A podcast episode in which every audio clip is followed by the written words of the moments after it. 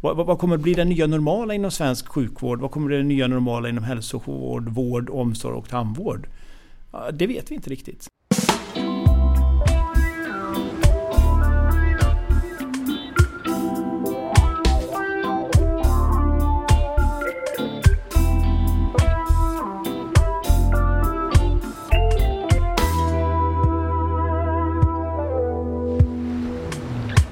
Var i januari som det började komma rapporter från Kina om ett nytt virus med influ influensaliknande symptom. Någon månad senare fanns viruset i Europa och corona var plötsligt på allas läppar.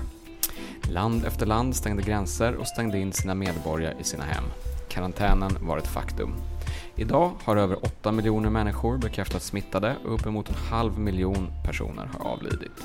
Det här avsnittet av Vårdfrågan ska handla om det nya coronaviruset och med mig idag så har jag läkaren Kenneth Jakobsson och tandläkaren Anders Jonsson. Ja, Kenneth, vad tänkte du i januari när du först hörde om det här viruset? Jag fick i första hand associationer till tidigare mer moderna epidemier. Både sars 2003 och eh, svininfluensan 2009. Och jag trodde då att det här skulle komma att landa någonstans i trakterna och den påverkan som de två eh, epidemierna hade. Så du kände en hygglig oro med en gång, kan man säga så? Eh, oro men också någon slags tillförsikt att det ändå skulle kunna eh, stanna vid, får man lov att säga, eh, effekterna utav sars respektive svininfluensan, vilket ju ändå med så här långt kommit in i den här pandemin hade varit en betydligt mildare utveckling. Mm. Anders, vad säger du? Vad tänkte du där i januari när det började komma nyhetsrapporter från Kina? Lite grann eh, som, som Kenneth är inne på. Vi hade ju inte sett den här påverkan egentligen på samhället tidigare. Vi har ju haft den här frågan kring vaccinationer med narkolepsi. Och, alltså frågan har ju funnits där kring pandemier och vilken påverkan det har haft på befolkningen i Sverige och sådär. Eh, tittar vi på tandvård så har ju inte vi haft någon frågeställning kring några pandemier som har påverkat tandvården under de sista 20-30 åren. Eh, vi hade en ganska stark eh, diskussion, kraftig diskussion och genomgripande diskussion skulle jag säga, när HIV dök upp i början på 80-talet. Det förändrade väldigt mycket tänket inom tandvård och hygien etc. etc. Mm. Vilket var väldigt nyttigt. Så du upplevde inte att den här senaste lite bredare pandemin och svininfluensan för tio år sedan, den gav inget större avtryck på tandvården? Nej. Nej. Men hörrni, eh, viruset då. Eh, hur skulle ni säga att det har påverkat sjukvården och tandvården? Om vi tar dig, dig först Kenneth, sjukvården. Vad är dina reflektioner där? Oj, det är många, väldigt många. Vi får försöka begränsa oss lite grann. Jag tänker att det här har gått i, i olika faser nu under våren. Eh, men i, i, första hand har det krävts ett, eh, ett betydligt mer eh, bredare samarbete med andra vårdgivare. Eh, både eh, den offentligt drivna vården men också med andra privata vårdgivare. Där har vi ju sett väldigt många positiva exempel på fina samarbeten på många håll i landet. Eh, vi har ju också sett en omställning från mycket fysisk vård till mer digital vård, eller rättare sagt mer digitala kontakter. Ehm, sen har vi såklart haft en stor oro eh, i befolkningen i stort och ibland medarbetare eh, i vårt bolag eh, som också har påverkat den här våren. Sen har vi ju hela diskussionen självklart om skyddsutrustning och smittan i sig. Både hur den smittar, hur länge man smittar, när man smittfri. Ehm, så att det har varit många frågor att hantera. Mm. Om du ska välja ut den enskilt vanligaste frågan under de här tre månaderna från medarbetare, vad, vad har det varit? Det är om viruset smittar innan man får symptom. Ja. Anders, eh, tandvården har ju inte alls varit i samma fokus de här tre månaderna som, som sjukvården. Vad, vad är dina reflektioner? Hur har det hanterats där? Man kan väl säga så här att, jag vill bara kommentera lite vad Kenneth sa där innan om, om hur vi har jobbat. Alltså vi har ju myntat ett begrepp tycker jag som heter vårdgrannar. Mm. Eh, som känns väldigt bra. Att vi har kunnat lösa många saker tillsammans. Vi som jobbar inom vården och inom tandvården. Eh, tittar vi då enbart och tittar in på tandvård. Så, så har ju politiskt sett tandvården varit iskall skulle jag nu vilja uttrycka. Trots att vi från olika håll och kanter har försökt att, lyfta upp en del frågor, bland annat kring högkostnadsskyddets längd och, och så. Så har, har, man ju från politiskt håll varit ganska ointresserad skulle jag vilja säga av tandvården. Eh, den oron som du var inne på Kenneth, när det gäller både vad, vad, vad medborgarna i Sverige tycker och tror om tandvård och att besöka tandvården. Eh, och den oron som har funnits bland, bland våra egna medarbetare och utövare där ute. Kring vad händer och hur smittas jag och hur smittas jag inte? Och det är klart att kärnfrågan har ju på något sätt utkristalliserats kring att man kan vara asymptomatisk smittbärare. Eh, det här trodde vi ingen från början, utan då var ju diskussionen att ja, känner man sig inte bra, då smittar man. Men det här att, som vi vet nu då, att det finns en grupp då som smittar som ändå mår ganska bra. Mm. är ju lite lurigt. Mm. Och vad skulle du säga där, vilken är den vanligaste frågan som du har fått från, från medarbetare under de här tre månaderna? Är det samma som Kenneth eller? Alltså initialt så handlade det väldigt mycket om Men varför får vi inte kalla patienter och vilka får inte komma? Och, och, vi har ju våra revisioner och vi måste ta hand om patienterna och vi håller på med en massa behandlingar som måste vara klara till ett visst datum. Alltså det var ju den initiala, de initiala frågeställningarna skulle jag säga. Eh, sedan har det ju mer och mer kommit att handla om aerosoler. Mm. Det vill säga, eh, vad händer när vi borrar? Eh, vad händer när vi tar bort tandsten och med undervattengjutning och sådär? Och hur påverkar det oss? Och hur kan vi skydda oss? Mm. Och då landar vi i precis samma fråga som Kenneth var inne på. Det vill säga bristen på skyddsutrustning.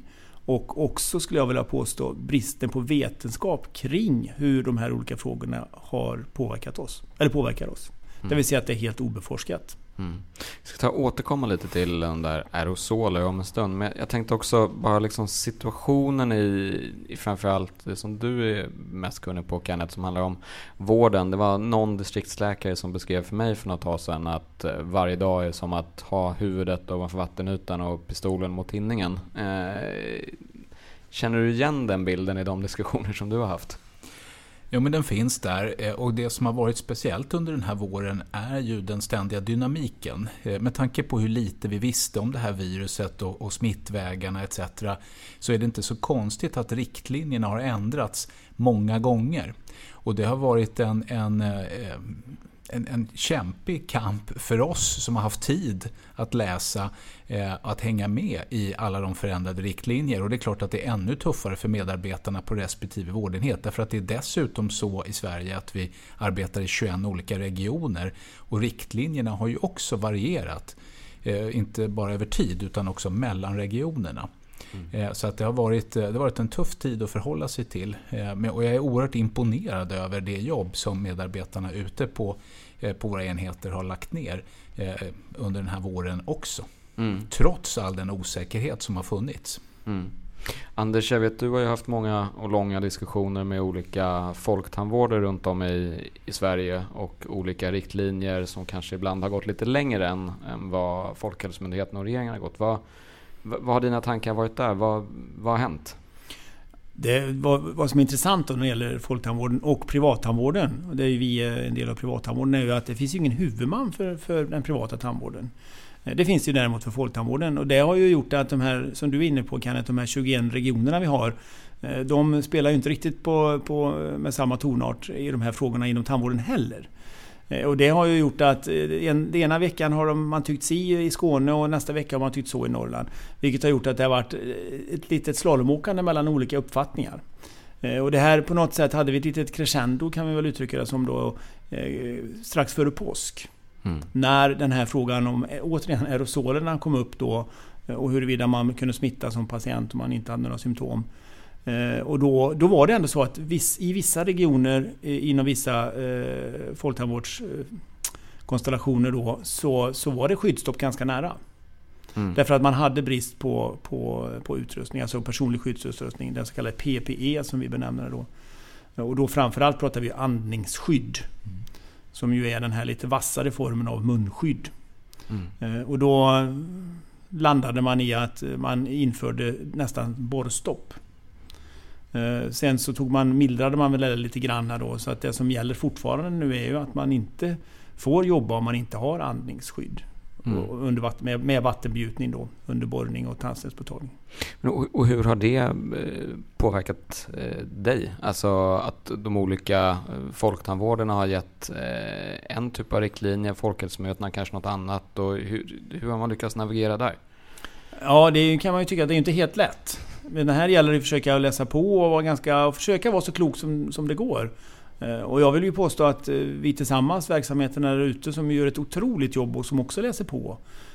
Och vi tillsammans då härifrån på kontoret har kommit fram till att vi vill, så här gör vi i Praktikertjänst. Mm. Vilket jag tycker känns ganska bra. Vi får mycket frågor från andra också som frågar hur gör ni? Och jaha, ni gör så? Ja men, ja, men det låter ju inte helt fel.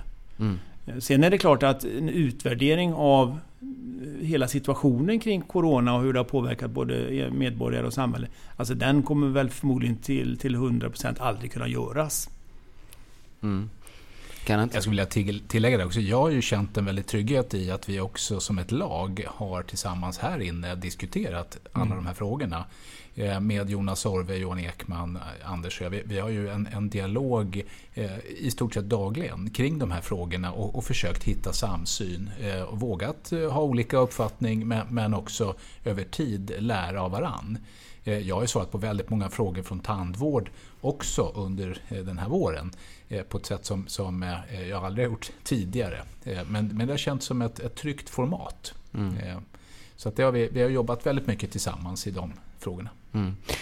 Jag tänker på era ingångar har ju hela tiden, för vad jag har förstått, den här pandemin har varit att liksom följa eh, Folkhälsomyndigheten egentligen och ha det som, eh, mm. ja, vad ska jag säga, facit. Eh, har det alltid varit så uppskattat ute i verksamheterna? Vad säger Kenneth? Eh, nej, eh, eh utan vi, det är precis eh, rätt tolkat. Vi, vi, har försökt ligga så dikt an Folkhälsomyndighetens riktlinjer som möjligt. Vi inser ju att den typen av expertis som en hel myndighet besitter Eh, med, med, både ett nationellt och ett internationellt nätverk och, och den vetenskapliga tyngd som man har så är det klokt att ligga nära myndighetens rekommendationer. Eh, och det, det, har ju i vissa stycken, till exempel när det gäller råden kring våra patienter som är över 70 år, eh, skapat en del missmodighet ute i, i framförallt i tandvård där man ändå har då velat behandla och patienterna också själva velat bli behandlade eller bli bedömda. Så att det är ett, ett av de områdena där, som, som skapade ändå en viss konfliktyta. Men vi har försökt att vara så konsekventa som vi någonsin har kunnat vara. Mm. Och det, det, tror jag ändå i, i, längden har varit eh, ett, ett vinnande koncept. Det ger någon slags eh, en känsla av en röd tråd och en trygghet. Mm. Jag skulle vilja fylla på lite där Kenneth, för det är ju mm. ändå så att vi har ett stort ansvar. Både som, som yrkesutövare i alla våra roller inom mm. företaget, men också företaget som vårdgivare och som arbetsgivare.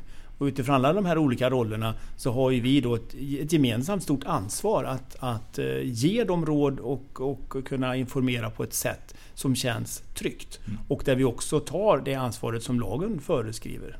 Eller lagarna föreskriver, för de är ganska många. Och de har dessutom ändrats kraftigt. Du var inne på det lite i början Kenneth, kring, kring vad som har hänt. Att det har varit en ganska dynamisk process och den är ju fortsatt dynamisk. Vi ser ju dagligen nya, nya saker som dyker upp eh, från olika håll och kanter som han har ändrat eh, utifrån vad som, den erfarenheten vi har fått sen, sen i början på, på mars. Mm. Och det kommer förmodligen fortsätta. Vi kommer att se stora förändringar och det är lite grann, det kanske, då kan vi prata i flera timmar här kanske kring det här nya normala. Vad, vad kommer att bli det nya normala inom svensk sjukvård? Vad kommer att bli det nya normala inom hälsovård, vård, omsorg och tandvård? Det vet vi inte riktigt. Mm.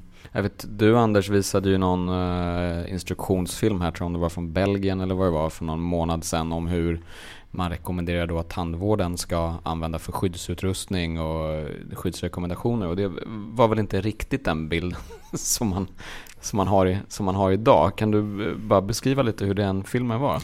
Eh, det här var en eh, instruktionsfilm kan vi väl kalla det då som den belgiska, eller den franska delen av Belgiska tandläkarförbundet har tagit fram som beskrev utifrån att patienten öppnar bildörren utanför mottagningen går in, ringer på, eller går fram, ringer på, kommer in, hur man blir mottagen, vilka mått och steg som tas och det avslutas med att när man sen betalar så får man en liten sån här tops då som man kan trycka på pin, för sin pinkod. Alltså en oerhört slimmad föreställning kan vi väl kalla det kring hur vi möts i en, i en tandläkarmottagning. Den var inte helt fel, den reste en hel del eh, tankar och frågetecken hos mig såklart. Eh, men var välgjord och var bra. Eh, och det kanske är så här att vi också behöver göra den här typen av analyser framåt. Hur ska vi mötas och hur ska vi så att säga, se ut på en tandläkarmottagning? Ska vi sitta trängas i väntrummet? Nej, vi kanske inte ska göra det, till mm. exempel. Mm. Kenneth, vad tror du? Eh, skyddsutrustning i primärvården. Nu har man ju sett både visir och skyddskläder och trippla munskydd nästan. Hur är det? Är det nya normala för våra vårdcentraler eller? Jag tror att eh, frågorna runt skyddsutrustning är, är en del av det nya normala men framförallt en tuffare eller mer stringent ska vi säga eh, triagering, prioritering.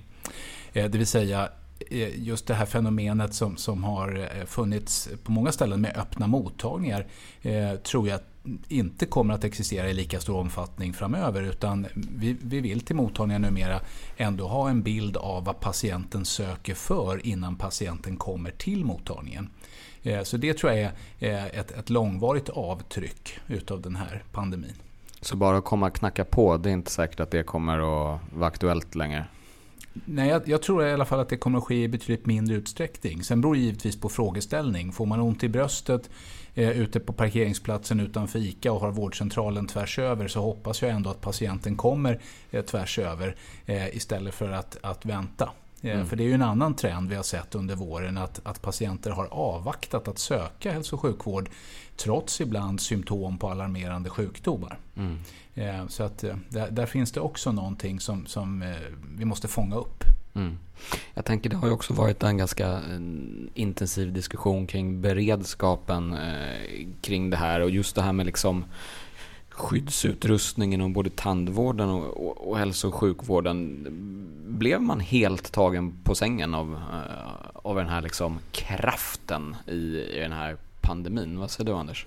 Ja, om du, du menar Sverige nu eller ja, menar du liksom nej, internationellt? Nej, Sverige tänker jag specifikt. Ja, det kan man nog till viss del säga att det var så. Om vi nu läser på lite här vad som har kommit ut eh, redan i just den här delen. Och det har ju alla förstått att det fanns inte tillräckligt med skyddsutrustning. Det, det, det, det, det råder inget tvivel om den saken då. Eh, sen är ju nästa fråga då, ja, varför fanns det inte det? Eh, och hur kunde man avhjälpt det där innan och under och efter och sådär. Eh, att det inte fanns det kan vi som sagt konstatera. Sen har vi haft den här lite splittrade modellen med 21 upphandlare i Sverige då, vilket har gjort att man har varit en ganska liten spelare. Jämfört med när Tyskland dundrar fram och handlar upp för 82 miljoner invånare så kommer Jämtland Härjedalen för 200 000 invånare. Vilket gör att det, då är man lite tunn från Jämtland Härjedalen.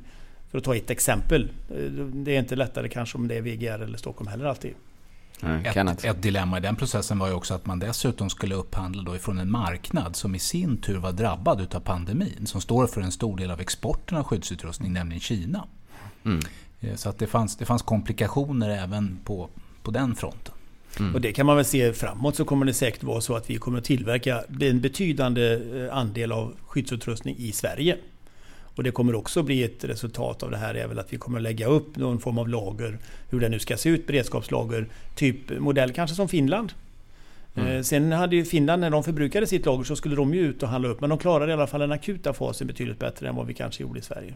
Mm. Det tror jag är en av de definitivt lägst hängande frukterna i resultatet av Coronakommissionens mm. arbete.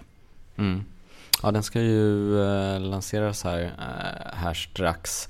Eh, men beredskapen där, jag, när man har läst på om exempelvis primärvård och annat så har man ju läst att det var få eh, mottagningar som hade lager kvar sedan ebola och, och annat. Det, det är ju liksom tio år sedan eller när det Ja, inte riktigt. det, är, det är cirka fem år sedan. Ja. Men, men, men, det fanns en del av det som var användbart, eller tänkt att användas under ebola-epidemin, som, som kom till gagn. Eh, framförallt tror jag att det fanns också eh, hos vissa en, en, medvetenhet och en kunskap eh, om eh, hur det här kunde komma att uttrycka sig eh, via ebola. Det var ändå en påminnelse, låt vara att det var för fem år sedan, eh, men det är ändå bättre än om det var som vid sars då, 2003, 17 år sedan. Så att det, det var ändå, ebola var ändå en, en, en tankeväckare. Mm. Jag tycker även ebola har varit en tankeväckare så att den kommer och går. Alltså det är inte så att vi har utrotat ebolan utan den, helt plötsligt så, puff, så dyker den upp igen. Och det kan vi ju se lite grann, det kommer vi ju se med det här coronaviruset också. Och eh, att det kommer att poppa upp igen. Eh, och det ser vi ju senast nu här när det dyker upp i Kina igen då. Eh, där man trodde att det var, att man var fritt, att det var fritt och man hade klarat av smittan och så. Nej, då dyker det bara poff upp igen på en av de här djurmarknaderna, nu då i Peking istället.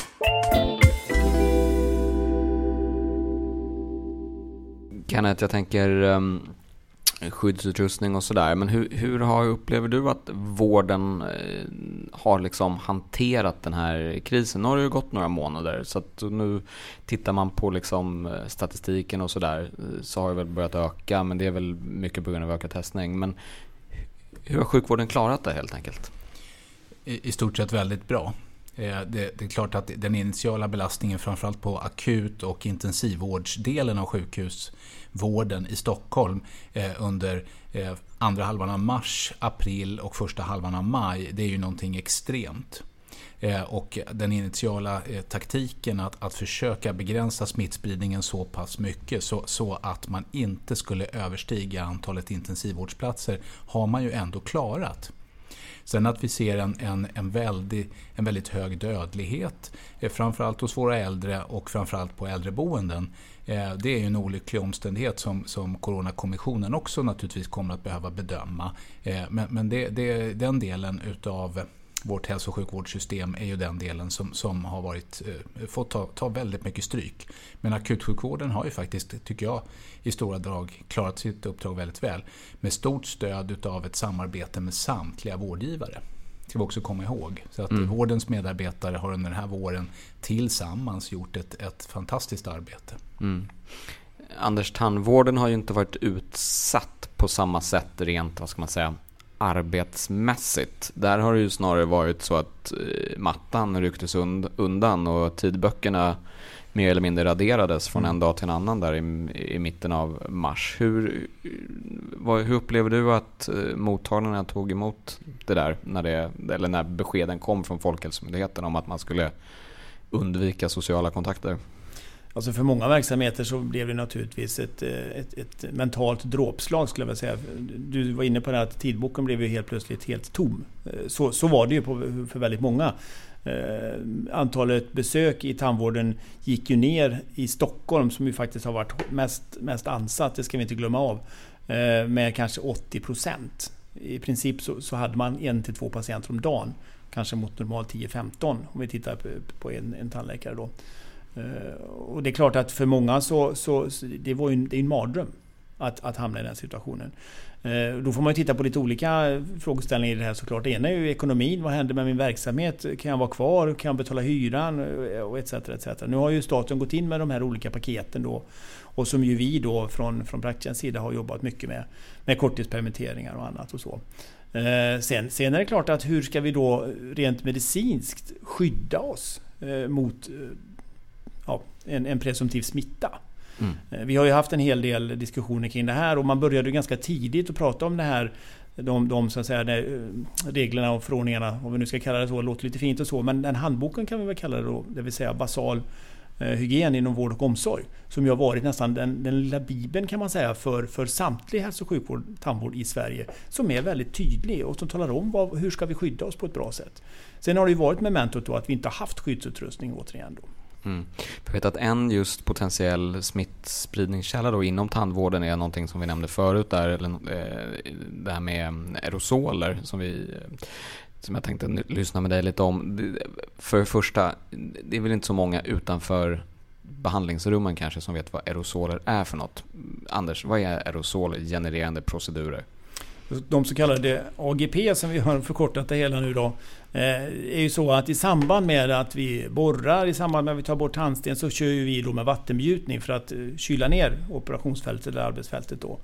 Eh, och det har ju pågått sedan länge. Det har ju funnits när vi gäller, tittar på borrning exempelvis sedan 50-talet. Så det är ju ingen ny företeelse. Och i den här delen när det gäller då vad innehåller de här aerosolerna? Det är ett helt obeforskat område. Eh, vi jobbar väldigt mycket utifrån, eh, inte vetenskap, men beprövad erfarenhet. Det vill säga, vi kan inte se att man inom tandvården har varit mer sjuk exempelvis i den vanliga säsongsrelaterade influensan som kommer och går varje år. Eh, Hongkong eller vad vi nu ska kalla det, eller nya stammar av det då.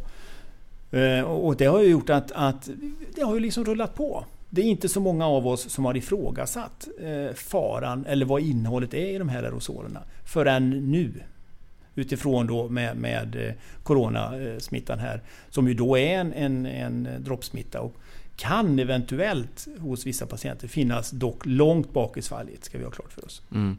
Och eh, det här ska du vara med och titta på, eller hur? För du är med i någon expertgrupp som just ska kika på sådana här aerosolgenererande procedurer. Vad, vad hoppas ni på att hitta där? Eh, Socialstyrelsen har ju ställt frågan då till vår nya kvalitetsorganisation som finns inom SKR där även då den privata tandvården finns representerad. Eh, vilket är jättebra. Eh, det finns alltid en fara att det kan bli väldigt teoretiskt om man sätter det i händerna på tjänstemän på SKR och på regionkanslierna. Så att, ja, det känns jätte, jätte, jättebra att få vara med där. Hedrande på alla sätt och vis.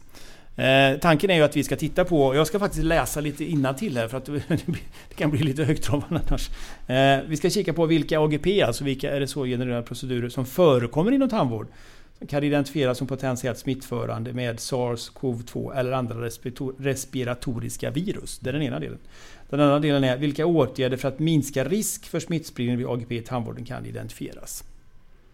Eh, att, att det inte är så att säga beforskat kan man väl säga. Det är inte så lätt att forska på det här. Mm. Eh, det låter ju enkelt att man skulle mäta på något sätt hur mycket virus finns det i, i, i det här molnet som uppstår i samband med borrning eller tandstenspåtagning eller så. Men, men då är frågan hur mäter vi det? På vilket avstånd från patienten? Hur långt in i munnen? Vilken tand borrar vi på? Är det långt fram i munnen eller längre in? Och vilken, vilken dimension har vi på våra sugar? Har vi assistans överhuvudtaget? Alltså det finns massor med frågor i det här som gör att vetenskapen blir ganska osäker. En, en annan del av um, en granskning som kommer behöva göras, eller någonting som man i alla fall ska arbeta av, i den här så kallade vårdskulden som ju nu börjar byggas upp, eller har byggts upp. Det pratas väl i termer av omkring mellan 40 och 50 000 planerade operationer som har ställts in runt om i Sverige. Eh, och det är flera mottagningar, eh, både tandvård och naturligtvis och hälso och sjukvård hos oss då, som har eh, ställt in. Kenneth, jag vet att du har ju eh, jobbat en hel del med den eh, frågan, bland annat i branschstyrelsen här i Vårdföretagarna. Vad, vad kan vi förvänta oss? Hur, hur löser vi det här? Det är en enkel fråga. Ja, jag, jag, jag, tror att det, det allra grundläggande som man först måste ha klart för sig, det är ju att för, att för att kunna ta emot patienter, då måste vi ha medarbetare. Så att en viktig, eh, eller den allra viktigaste och mest centrala delen, det, det är ju att vi eh, har medarbetare kvar i verksamheter och har verksamheter kvar som kan fortsätta ta emot patienter både för det som de kommer att söka för som är, kan uppfattas som nytt, mm. men också det som nu släpar efter från våren. Eh, och, och, då är det oerhört centralt med, med de här åtgärderna som har kommit som stöd ifrån eh, framförallt statligt håll, eh, i viss mån underlättat på regional nivå också, eh, där man har fått ersättning eh, lite schablonersättningar för att kunna finnas kvar som vårdgivare helt enkelt. Så att det, det, är det grundläggande. Vi måste ha folk på plats. Det, det, det är helt klart så. Och, och jag är också Eh, i det avseendet är jag ändå lite oroad över att, att en hel del utav vårdens medarbetare under den här våren har, har slitit ganska hårt mm. Eh, och måste få lite vila. Eh, och, och, det finns risker med om, om gänget inte får den vilan. Och, och Kenneth, hur går liksom snacket på stan om man ska säga? Är, är verksamhetschefer, mottagningar, är de liksom oroade över hur man ska kunna hantera det här i höst? Jag skulle vilja säga att den oron eh, finns, eh, men det är inte det eh, genomgående temat, utan det genomgående temat är ändå tämligen pepp. Eh, många känner att de har fått ägna sig åt, åt hälso och sjukvårdens kärna. Att ta hand om, bedöma, eh, behandla och eh, rehabilitera eh, patienter med, med ordentliga sjukdomsbilder eh, under våren. Och det, det är ju därför vårdens medarbetare eh, finns och det, det, de älskar att göra det. Eh, sen så finns det en oro för att kunna stå distansen ut, till exempel tills dess att det finns ett vaccin på plats. Är det liksom universallösningen för att det här ska liksom flyta? Det är väl egentligen ingenting som tyder på att det finns ett vaccin riktigt de kommande sex månaderna, eller? Nej, jag tror inte att det finns ett vaccin om sex månader. Jag, jag sa ganska tidigt under, under eh, pandemin, då, i mitten på mars, att eh, får vi fram ett vaccin som finns användbart till norra halvklotet till vintersäsongen 21-22 eh, så, så, är det ändå en väldigt snabb process. Går det fortare än så så, så vore det naturligtvis oerhört tacknämligt men, men överraskande. Kenneth, en till fråga till dig. Tester, eh, PCR-tester har jag lärt mig att det heter och antikroppstester. Hur tillförlitliga är de här testerna egentligen? Och vad bör man tänka på som både medarbetare i vården och som patient? Mm. Eh, eh, NPH-tester, då, test ifrån näsa och eller svalg som sedan analyseras med en metod som förkortas PCR. Det är just för att kunna konstatera pågående smitta.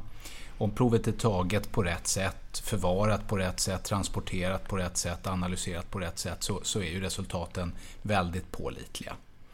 Eh, däremot antikroppstester har ju tagit längre tid att få fram lika pålitliga tester. Eh, antikroppstesterna eh, finns ju kan man säga i en lite förenklad variant med snabbtest, mera likt klassiska graviditetstestet. Eh, men det som är mer facit då i form av blodprov som skickas till ett, till ett standardiserat labb för analys eh, är ju mer pålitligt. Snabbtesterna håller inte eh, fullt ut kvalitet. Framförallt har de en hög risk för så kallat falskt positiva provsvar, det vill säga positiva i det här avseendet att man påvisar antikroppar som tecken på en genomgången infektion och, och då förment också immunitet.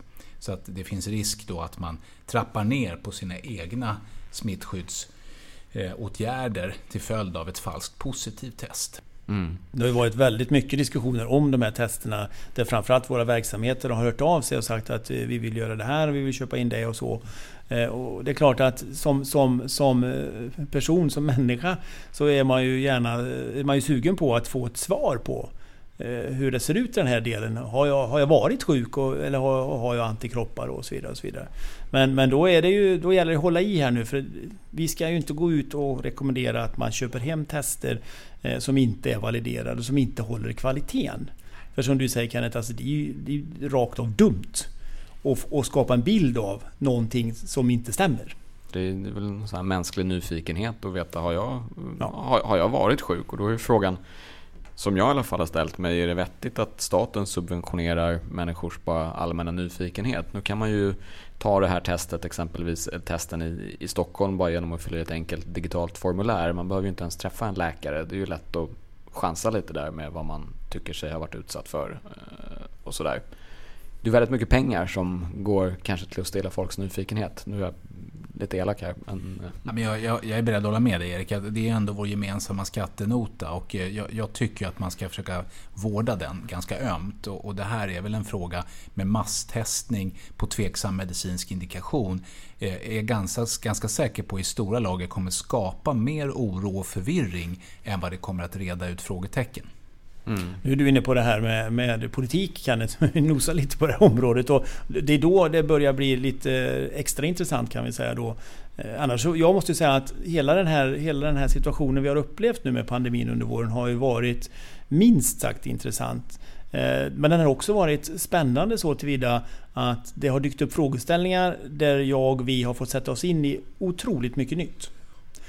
Sen tycker jag också att det har varit på något sätt också erfarenhetens revansch vi diskuterar, vi för en debatt i, i TV, radio, tidningar eh, och på olika håll och kanter i samhället mellan människor som besitter en kunskap inom någonting.